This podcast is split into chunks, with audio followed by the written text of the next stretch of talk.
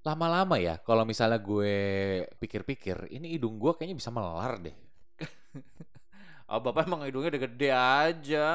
jangan macem-macem lo lihat hidung gue nih banyak yang nyangka gue operasi loh Oh iya, saking sih. wah gila Taufik hidungnya bener-bener kecil gitu iya, betul, Cie, betul, betul. memuji-muji diri sendiri males banget gak sih lu denger tapi beneran semenjak pandemi ini gitu ya semenjak covid apalagi kalau kita nih yang pekerja seni gitu ya yang kerja di dunia entertainment yang MC MC atau mungkin syuting syuting itu kan sekarang salah satu aturannya yang harus dipenuhi protokolnya itu kan adalah pre-event testing kan Betul. Jadi sebelum acara lo tuh harus tes dulu gitu dan persyaratan lo mengikuti acara itu adalah lo harus membawa si surat yang menyatakan lo negatif gitu. Betul. Atau ada sekarang yang disiapkan sama Betul. panitia. Nah, Jadi, itu lebih enak itu tuh. enak. Yang langsung Ah. di tempat acara gitu kan. Ah. Sebelum acara semuanya ngantri, dicolok semuanya satu-satu.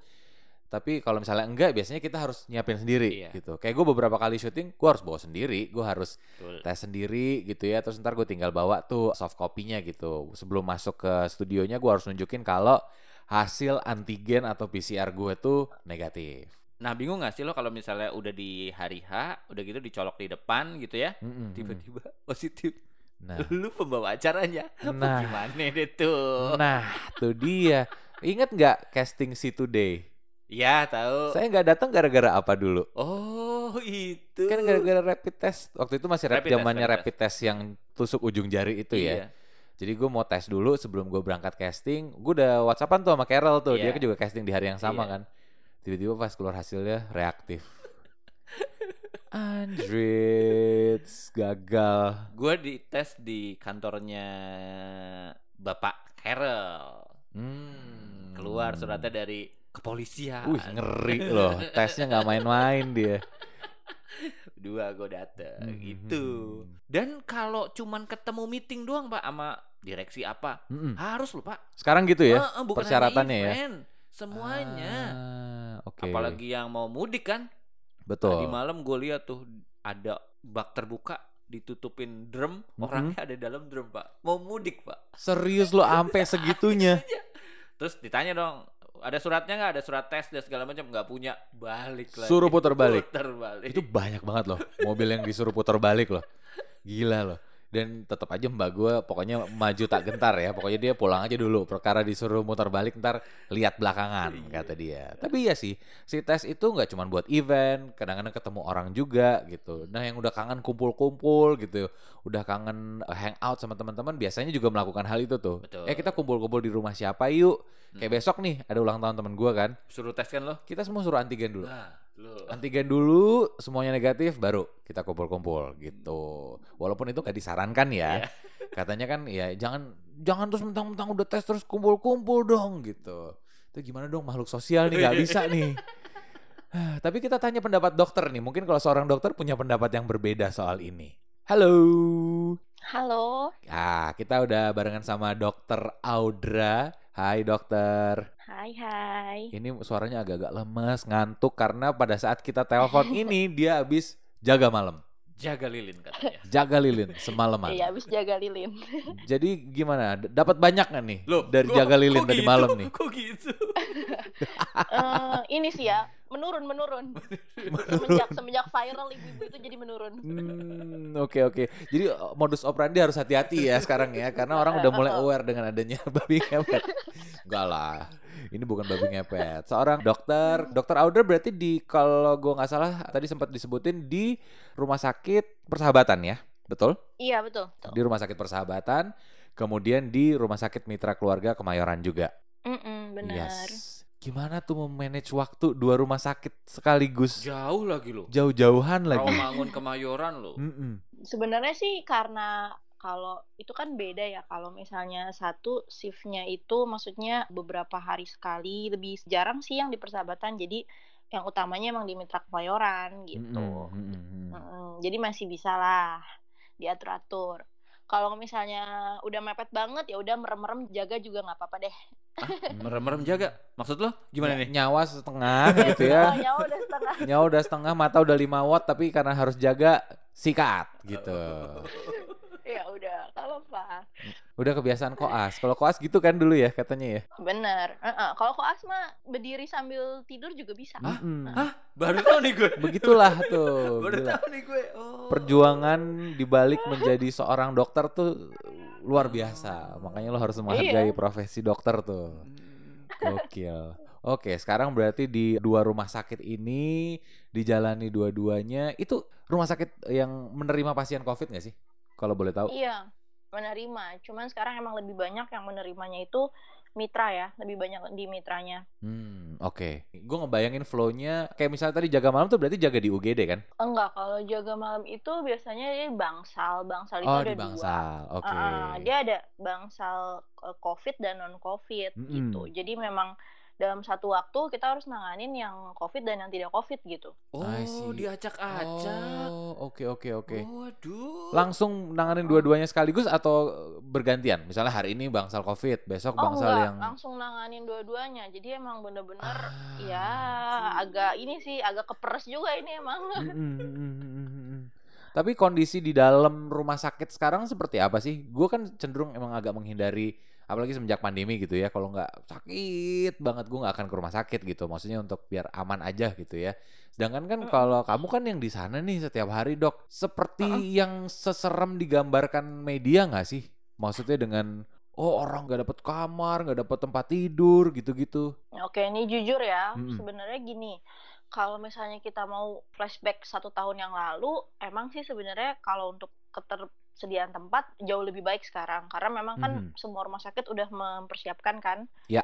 Tapi masalahnya adalah kalau kita bilang menurun, orang kan di luar tahunnya menurun ya. Sebenarnya nggak menurun gitu. Menurut aku pribadi sih nggak menurun karena Mhm. kita udah terpapar sama gimana sih caranya kalau kita ternyata positif udah jarang yang ke rumah sakit biasanya hanya ke puskesmas ambil obat terus bisa Mm-mm. di rumah kayak Mm-mm. gitu kan Mm-mm. hanya aja yang berbeda adalah ketika sekarang orang datang ke rumah sakit itu gejalanya udah sedang ke berat gitu jadi emang udah udah bukan orang yang main-main biasa lagi bisa masih bisa having fun udah bukan yang kayak gitu lagi gitu. Mhm. jadi Mhm. menurut aku jauh lebih berat sih malah yang sekarang. Karena datang beberapa lama di rumah sakit perburukan gitu. Nafasnya udah berat segala macam makanya menurut aku sih hati-hati ya. Ini covid nih cuman dia tuh musuh dalam selimut gitu. Dia cuman Mm-mm. membuat kita seakan-akan tuh udah aman padahal ya belum Hmm. Usianya berapa, Dok? Rata-rata? oh aduh sekarang udah ngacak banget kemarin itu baru ada yang meninggal umur 26 tahun Astaga. Oh, berarti kalau selama ini kan anggapannya oke, mungkin itu akan lebih beresiko ke orang-orang yang sudah usia lanjut gitu kan. Yang Betul, sudah berusia lanjut atau ya sudah di atas 50 lah gitu ya. Tapi akan Mm-mm. lebih aman kepada yang eh, usianya lebih muda. Berarti itu nggak terbukti sebenarnya ya, Dok ya? kalau sekarang udah nggak ini lagi ya mungkin gini kalau dibilang beresiko tentu lebih beresiko yang dia punya komorbid ya punya Mm. penyakit bawaan atau Mm-mm. mungkin dia dengan kebiasaan misalnya merokok dan sebagai macamnya begadang ya oh, Hmm. juga itu terus tapi sekarang ternyata udah nggak gitu lagi apalagi kita harus aware banget nih sama mutasi yang baru Mhm. itu udah bener-bener itu cepet banget dalam tiga hari dia perburukannya tuh cepet banget Oke. Biasanya kan butuh satu minggu ya katanya ya untuk si periode jendelanya itu ya. Kalau yang varian Oh, baru ini lebih cepat ya? Mm-mm. Sebenarnya kalau masa inkubasi itu adalah masa di mana dia tadinya tidak membuat gejala, jadi ada gejala kan. Mhm, mhm. Jadi dia yang tadinya nggak sakit jadi sakit. Nah, cuman ketika kalau si yang mutasi baru ini, ketika kita udah diklaim nih, didiagnosis nih, udah nih kita sakit gitu kan. Mhm, mhm. Dari kita tahu kita sakit sampai beberapa hari itu cepet banget prosesnya. Itu benar-benar di depan mataku sendiri tuh cepet banget. Orang bisa jalan happy happy siang Mhm. hari, malam-malam tiba-tiba udah pasang ventilator. Astaga. Itu masih muda usianya itu, Dok? Astaga. Itu masih ya bisa dibilang muda ya kalau yang ini ya 30 lah, Heeh, 35 tahunan lah. Heeh. Aha, aha.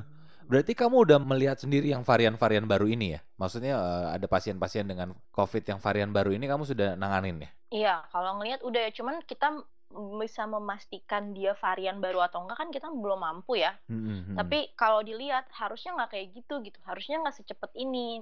Dan kita Hmm. cari-cari jurnal-jurnalnya, memang begitu varian baru itu dia lebih cepat, lebih mematikan sih sebenarnya. Gitu. Mhm, mhm, mhm. Yang tadi dibilang dokter Audra, ini virus ini tuh bikin kita jadi lengah gitu. Iya, betul. Kayaknya ya mungkin kan banyak yang kalau udah ngalamin mungkin udah ngalamin sendiri ya dok. Cuman yang belum ngalamin kan mana sih? Bener nggak sih ada virus ini gitu? Buktinya gue fine fine aja misalnya dia sering pergi-pergi nggak pakai masker gitu. Buktinya gue fine fine Mm-mm. aja. Ya kan kalau belum ngalamin sendiri mungkin ya ya begitu kali ya. Yang gue mau tahu tuh kehidupan dokter di dalam bangsal yang COVID itu gimana dok? Mm-mm. Hmm, kalau di rumah sakit sejujurnya itu periode kita pakai hazmatnya itu nggak selama di Wisma Atlet ya, karena kan aku pernah di Wisma Atlet juga tuh. Dokter pernah di Wisma Atlet? Iya, pernah juga 8 bulan. Tugas di situ Tugas. waktu itu Iya. 8 bulan ya di Wisma Atlet. Gas. Oh kalau di. Wisma Atlet full selama Full, tugas kita pakai 8 hazmat. jam. Yes, I full see. 8 jam. Mm-mm. Itu pun 8 jam kerja ya. Jadi pas kita ngoperin itu pasti ada prorong lagi. Ya mungkin 8 setengah sampai 9 jam lah hitungannya Mm-mm. gitu. Nggak buka-buka Tapi- dok. Oh itu nggak buka-buka beneran. Itu nggak minum, nggak makan. Apalagi sekarang nih teman-teman yang di Wisma Atlet lagi puasa, aku yakin sih lebih berat lagi.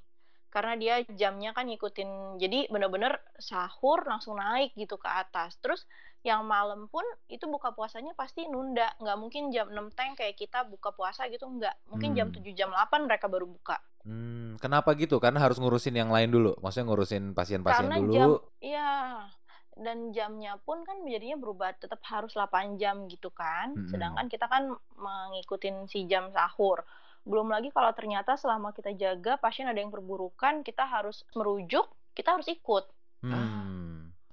Gitu. Oke, I see. Mm-mm. Wow, tapi pengalaman yang luar biasa juga bisa ada 8 bulan di Wisma Atlet berarti ya. Tapi sepanjang Iya. itu dokter nggak pernah positif atau apa reaktif gitu dok? Hmm, sampai sekarang sih ya untungnya belum ya.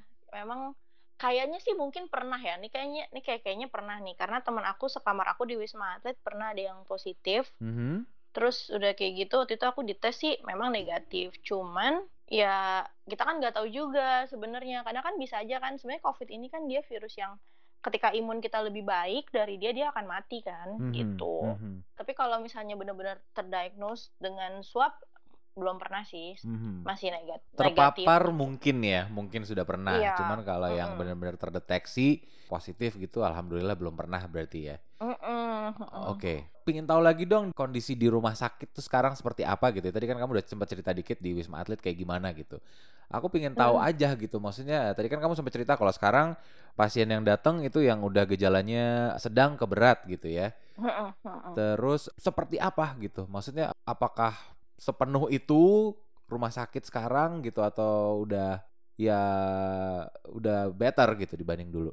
Hmm, kalau misalnya eh, jumlah pasien di da- di rumah sakit sebenarnya sih memang tidak sebanyak dulu ya Mhm, karena mhm, yang tadi aku bilang kalau misalnya biasanya nih orang muda nih udah kena nih positif nih mhm, mhm. dia akan biasanya dia lebih aware dia akan cari tahu gimana caranya dia akan banyakin istirahat apalagi sekarang kantor atau apa pun itu kan biasanya udah ngerti kalau udah hasil positif akan dikasih isolasi mandiri gitu kan Mhm, mhm. jadi mereka yang merasa mampu untuk melakukan isolasi mandiri otomatis tidak ke rumah sakit Mhm. tahu hasilnya positif kemudian nanti melakukan isolasi mandiri istirahat segala macam itu di rumah sendiri Mhm. jadi nggak akan aku nggak akan pernah ngedetect dia di rumah sakit gitu Mhm. Nah, yang jadi masalah adalah sekarang itu orang-orang dengan positif yang datang ke rumah sakit itu biasanya yang paling pertama itu yang dikeluhkan adalah sesak nafas. Oke. Sesak nafas ataupun nafas yang mulai terasa berat. Jadi dia ngambil nafas nih mulai nggak bisa nafas dalam. Hmm. Terus kalau kita lihat biasanya di paru-parunya itu itu ada namanya gambaran ground glass opacity atau Apa gambaran di mana adanya seperti kabut di bagian paru. Jadi bayangin ya Hmm. kalau kita kan anggap paru-paru kita nih balon. Mhm. Kalau paru-paru kita balon di dalamnya tuh nggak ada apa-apa, enak kan kita niupnya kan. Mhm, mhm, mhm. Tapi gimana kalau ternyata ada banyak potongan kertas di dalam balon itu? Kita akan lebih berat, balon itu pun akan lebih berat. Hmm. Hmm, nggak bisa tuh kita toeng-toeng ke atas gitu. Berarti kan dia jadi lebih berat kerjanya. Nah, seperti Mm-mm. itulah si COVID itu. Dia membuat si paru kita tuh bekerja jadi keras. Nah, yang jadi masalah adalah pada beberapa orang ada yang dinamakan dengan happy hypoxia. Apa mana tuh? dia tidak sadar. Dia tuh nggak sadar kalau ternyata kadar oksigen di dalam badan dia tuh berkurang. Hmm. Gitu. Harusnya tuh kadar oksigen di dalam badan kita tuh setidak-tidaknya 95 ke Mhm, atas. mhm, mhm, Nanti tiba-tiba datang hanya mengeluhkan saya nafas mulai berat. Cuman Mm-mm. itu doang, nggak ada sesak nafas. Mhm. Pas kita cek saturasi ternyata 90. 90% tuh Ah. artinya udah menurun dan dia nggak sadar selama Hmm, ini hmm, hmm. gitu. Oke, berarti kitanya juga yang tidak sedang dalam keadaan positif harus aware juga gitu ya. Maksudnya kalau misalnya napas mulai berat atau apa, bisa jadi itu sebenarnya salah satu tanda juga gitu kan. Iya, betul, betul. Mm, mm, mm. Kan Nafas berat kan kadang-kadang ya, ya ka- kadang-kadang nafas suka berat aja gitu. Maksudnya gimana? How to tell kalau itu adalah kadar oksigennya yang menurun gitu. Oh, kalau itu nggak bisa, itu harus tetap dicek ya. Ada objektif tes, dia harus Mm-mm. pakai pulse oximetry untuk melihat benar nggak nih saturasinya menurun atau enggak gitu.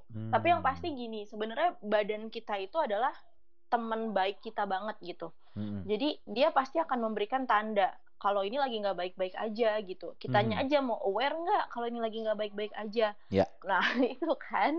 Mhm. Jadi kalau misalnya tiba-tiba nih, kok kita biasanya nggak secapek ini, tiba-tiba kita capek, kita harus udah mulai aware gitu. Kalau menurut aku dalam mengatasi COVID ini, mendingan kita overthinking sedikit, sedikit ya. Kalau Mhm. overthinking banyak nanti jadinya stres, depresi kan. Mm-mm, mm-mm. Overthinking kita sedikit dibandingin kita cuek gitu.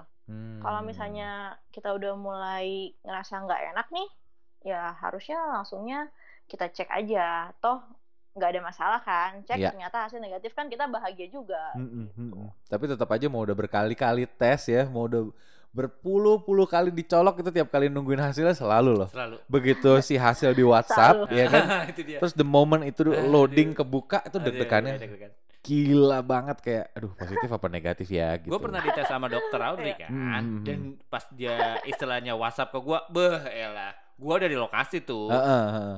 Ini kalau sampai gue kenapa kenapa nih? Gimana nih? Gimana nih gitu kan? Gue oke, gue bilang thank you dok, lu juga sehat-sehat dok, gue bilang gitu. Hmm. Berarti dokter Audrey ini selalu dites juga nyolokin hidung orang dan dicolok juga nih orang nih. Iya makanya nyolok Mm-mm, iya, juga sama. dicolok juga iya gitu ya. Lebih menyenangkan mana? Mencolok apa dicolok dok? Mencolok lah. Tuh, dokter aja nggak suka kan? Karena menurut gue kalau dicolok itu dikilik-kilik pak. Pernah kan lo? Mm-mm. Dimasukin terus Iya, diputer-puter. benar-benar. Kenapa sih harus diputer-puter? Tapi kadang-kadang ya kan suka beda-beda nih tesnya ya Hmm. di beberapa tempat gitu. Kadang-kadang ada yang sakit banget. Iya, Kadang-kadang ada yang biasa aja. Yang sebenarnya Oh, yang benar. seharusnya tuh yang sakit apa yang enggak kalau dicolok? Sebenarnya seharusnya nggak sakit ya. Jadi gini, dalam kita melakukan tes swab itu, kita harus yakin banget itu kan sebuah tindakan invasif ya. Mhm. kita memasukkan sebuah benda asing ke dalam badan kita dan itu kan efeknya bisa berdarah, Mhm. bisa hilang penciuman sesaat, Mhm, bisa rasanya tuh perih sampai luka ya, itu kan bisa kayak gitu gitu. Mhm. Ditambah udah jangan sampai ud- udah prosesnya sakit, hasilnya false negatif lagi. Itu kan Hmm. kayak buang-buang duit banget gitu kan, Mm-mm. mubazir banget. heeh. Nah, jadi kalau kita biasanya itu ada pelatihan gitu. Jadi Hmm. pelatihan itu justru adalah selembut dan selambat mungkin sebenarnya harusnya masuknya karena kalau kita kesentuh sama dinding hidung kita harus ngarahin dia supaya lanjut terus. Nah, kadang pada beberapa orang mungkin ya, mungkin lagi lelah, mungkin antrian banyak, mungkin apa gitu kan. Mhm. Jadi main dimasukin aja, pokoknya hantem aja udah semua yang ada di dalam, baru dikorek diambil. Nah itu yang biasanya orang tuh kesakitan. Aduh, gila. Denger Gilu, gilu. denger dokter ngomong aja gue ngilu loh, sumpah. Kebayangin, eh ngebayangin gitu. Karena gue pernah ngalamin juga tuh dicolok gitu di salah satu klinik tes lah gitu ya. Itu sampai malam gue pusing loh. Iya. Coloknya siang. habis itu bersin-bersin gue. Heeh, bersin bersin iya, udah gitu tuh bener sampai kepala gitu rasanya tuh sampai pusing sampai malam karena saking Iya, sakitnya gitu. Ah, oke. Bener, aku malahan pernah sampai berdarah. Ah, serius loh. Itu temen lo sendiri kan dok? Enggak, waktu itu emang karena kan kita ya waktu di awal-awal ya mungkin orang belum banyak yang terlatih. Mm-mm, Jadi mm. mau nggak mau juga kita kan jadi bahan percobaan kan yang Iya. latihan-latihan itu. Ya udah Oh. kecolok berdarah. Oh jadi Ya nggak disarankan, nggak dijalankan orang sendiri. Misalnya lo tuh besok ada Hmm, acara, hmm. terus temen lo nyolok sendiri, nggak disarankan tuh harus tenaga medis. Harus tenaga medis, karena emang. Iya. ada harus, tekniknya, nggak bisa Heeh. sembarangan. Tapi ada loh, dok, beberapa teman gue yang akhirnya nyetok alat tes antigen gitu di Iya, rumah. Yang nyolok siapa? Nyolok sendiri Wah, di depan kaca, gua. dia nyolok sendiri Wah, gitu. gue. Itu menurut Itu lo gimana dok yang kayak sih. gitu? Oh itu bahaya banget, itu benar-benar bahaya. Menurut aku gini ya, kalau misalnya ini kan badan kita ya, Kita maksudnya kalau ada apa-apa sama badan kita, kita akan bayar justru jauh lebih mahal daripada hanya kita sekedar bayar tes aja gitu kan. Mm-mm, mm-mm. Karena sebenarnya kelihatannya gampang loh, simple banget. Tinggal masukin aja swabnya, puter, puter-puter, terus udah gitu keluarin. Tapi tahu nggak di dalam tuh ada apa aja sih dalam hidung kita? Hmm. Ada dinding yang mana? Apakah itu yang kita ambil bener dinding atau itu justru bagian dari nasofaringnya namanya nasofaring itu yang paling belakang yang menjorok ke bawah itu yang Hmm. kita usap karena si covid itu senangnya adanya di, di bagian dalam kan Mm-mm, bukan di mm-mm. luar. Terus udah kayak gitu yang kedua, apa kita yakin pas kita masukin itu kita tuh kadang kan kalau kita ngetes sendiri atau teman kita masuk masukin aja, hati-hati. Hidung kita tuh sensitif. Hmm. Jangan sampai ada efek jangka panjangnya. Misalnya nih hidung kita jadi luka.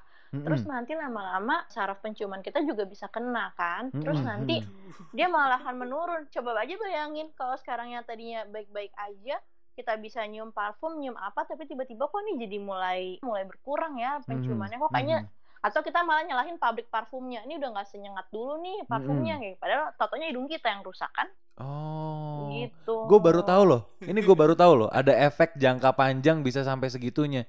Berarti kalau misalnya lo tiba-tiba hilang penciuman, bisa jadi bukan karena covid, tapi justru gara-gara tesnya dong. Hmm, Gara-gara tesnya bisa jadi. Oh, I see. Oke, oke, oke, oke.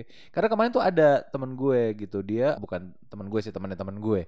Dia tes eh, antigen negatif, PCR dua kali apa tiga kali negatif, tapi penciumannya hilang. Nah ini, Nah, Nah, ini. itu. Apakah ini gara-gara tesnya? nah ini. Nah, abis ini gue Nah, tanyain itu dia deh mungkin. Kita curigai. Bisa jadi, bisa jadi. Heeh. Oh, oke, oke, oke. Jadi ada harus hati-hati karena ada efek jangka panjangnya itu tadi ya.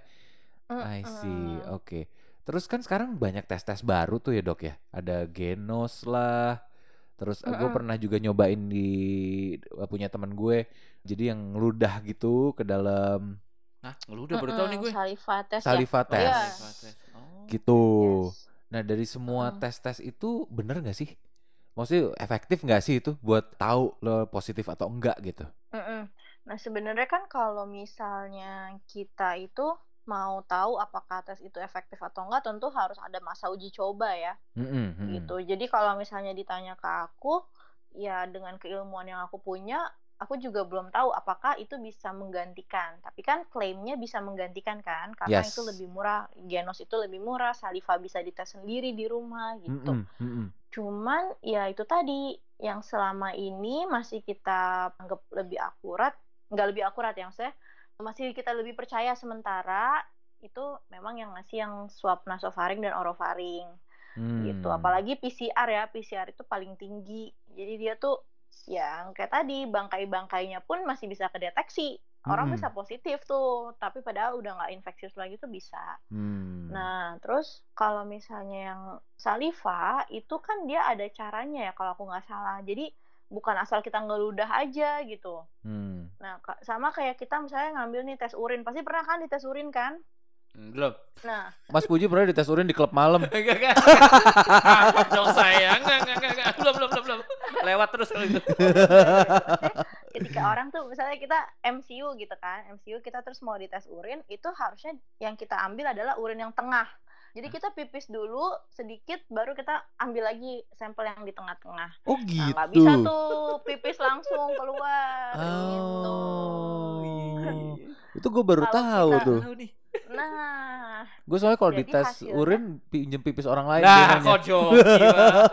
Dokter, kalau seandainya sudah vaksin gimana, Dok? Apakah tetap harus melakukan tes apa tidak, Dok? oh iya dong, harus dong. Kalau mau tahu nih, bahkan di rumah sakitnya sekarang udah banyak nih. Semua mengakui sudah vaksin dua kali. Coba, udah selesai dong? Ya. Udah vaksin dua kali, udah lewat dua minggu. Artinya harusnya udah kebentuk positif juga. Hmm. Jadi kalau sekarang kan orang kan ada euforia vaksin kan jelas ya, udah kita rasain ya. Oh Mm-mm. gila gue udah vaksin nih, ayolah kumpul lah, ayolah bukber lah gitu kan. Mm-mm, mm-mm. Langsung rasa oh aman nih gitu ya udah bisa nih.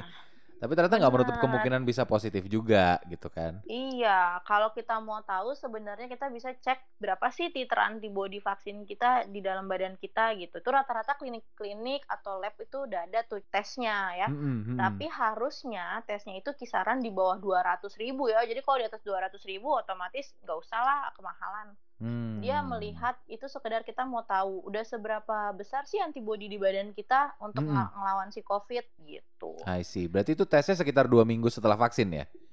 Atau Iya, gimana? vaksin kedua ya. Ah, oke oke. Karena menunggu proses terbentuknya si antibodinya itu tadi kan? Betul, betul. mm-mm. Mm. I see. Tuh, kemarin soalnya Om Puji bilang gue gak mau pakai masker lagi. Ah, katanya gue udah vaksin gitu. Marahin tuh dok. Dia udah gak mau pakai masker lagi katanya. biasanya Ampun. biasanya aku kalau misalnya ada pasien kayak gitu kan ngomong kan misalnya dok saya nggak mau pakai masker lagi soalnya saya udah vaksin terus aku bilang yaudah pas selama sama saya jangan ngomong ya Oh gitu. Bener, bener. Itu jawaban yang bener tuh. Emang harus digituin dok kalau ada orang gak mau pakai masker. Oke oke oke iya karena itu ada ada penelitiannya dari WHO dibilang bahwa kita itu ketemu sebentar sama orang yang covid belum tentu kita akan terpapar Mm-mm, tapi mm-mm. dengan tanpa adanya pemakaian alat pelindung diri 15 menit orang itu ngomong koar-koar nih Mm-mm. ludahnya ke mana-mana itulah yang bikin kita jadi terpapar sama si covid ya kalau Hmm. misalnya tuh ludahnya jatuh ke bawah kalau ludahnya nempel di masker kita gimana Betul betul betul. Kan kita Iya, hirup iya, iya. juga Atau nempel Iya. apa terbang-terbang di udara gitu ya si si virusnya terus kehirup juga kan bisa juga kan?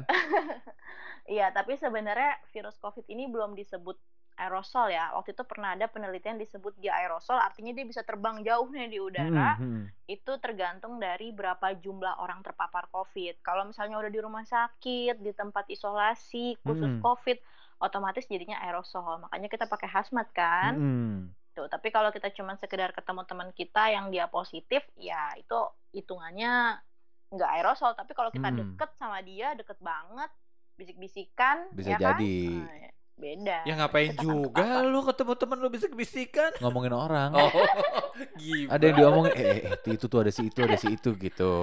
Jadi agak bisik-bisik ngomongnya biar nggak kedengeran. Dok, zaman pada mudik kayak gini, Dok, ini banyak yang ikutan bikin surat tes nggak, Dok? Mau pulang kampung, Dok? Banyak ya, banyak banget. Dari yang aku nggak tahu itu siapa, tiba-tiba bilang tetangga. Bingung juga aku. Maksudnya bilang tetangga?